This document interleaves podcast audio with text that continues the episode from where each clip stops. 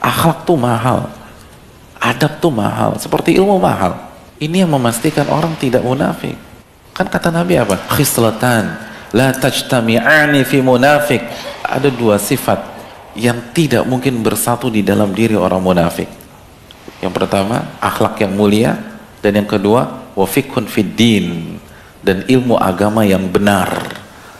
Kalau dua itu bersatu, antum dipastikan bukan termasuk orang munafik.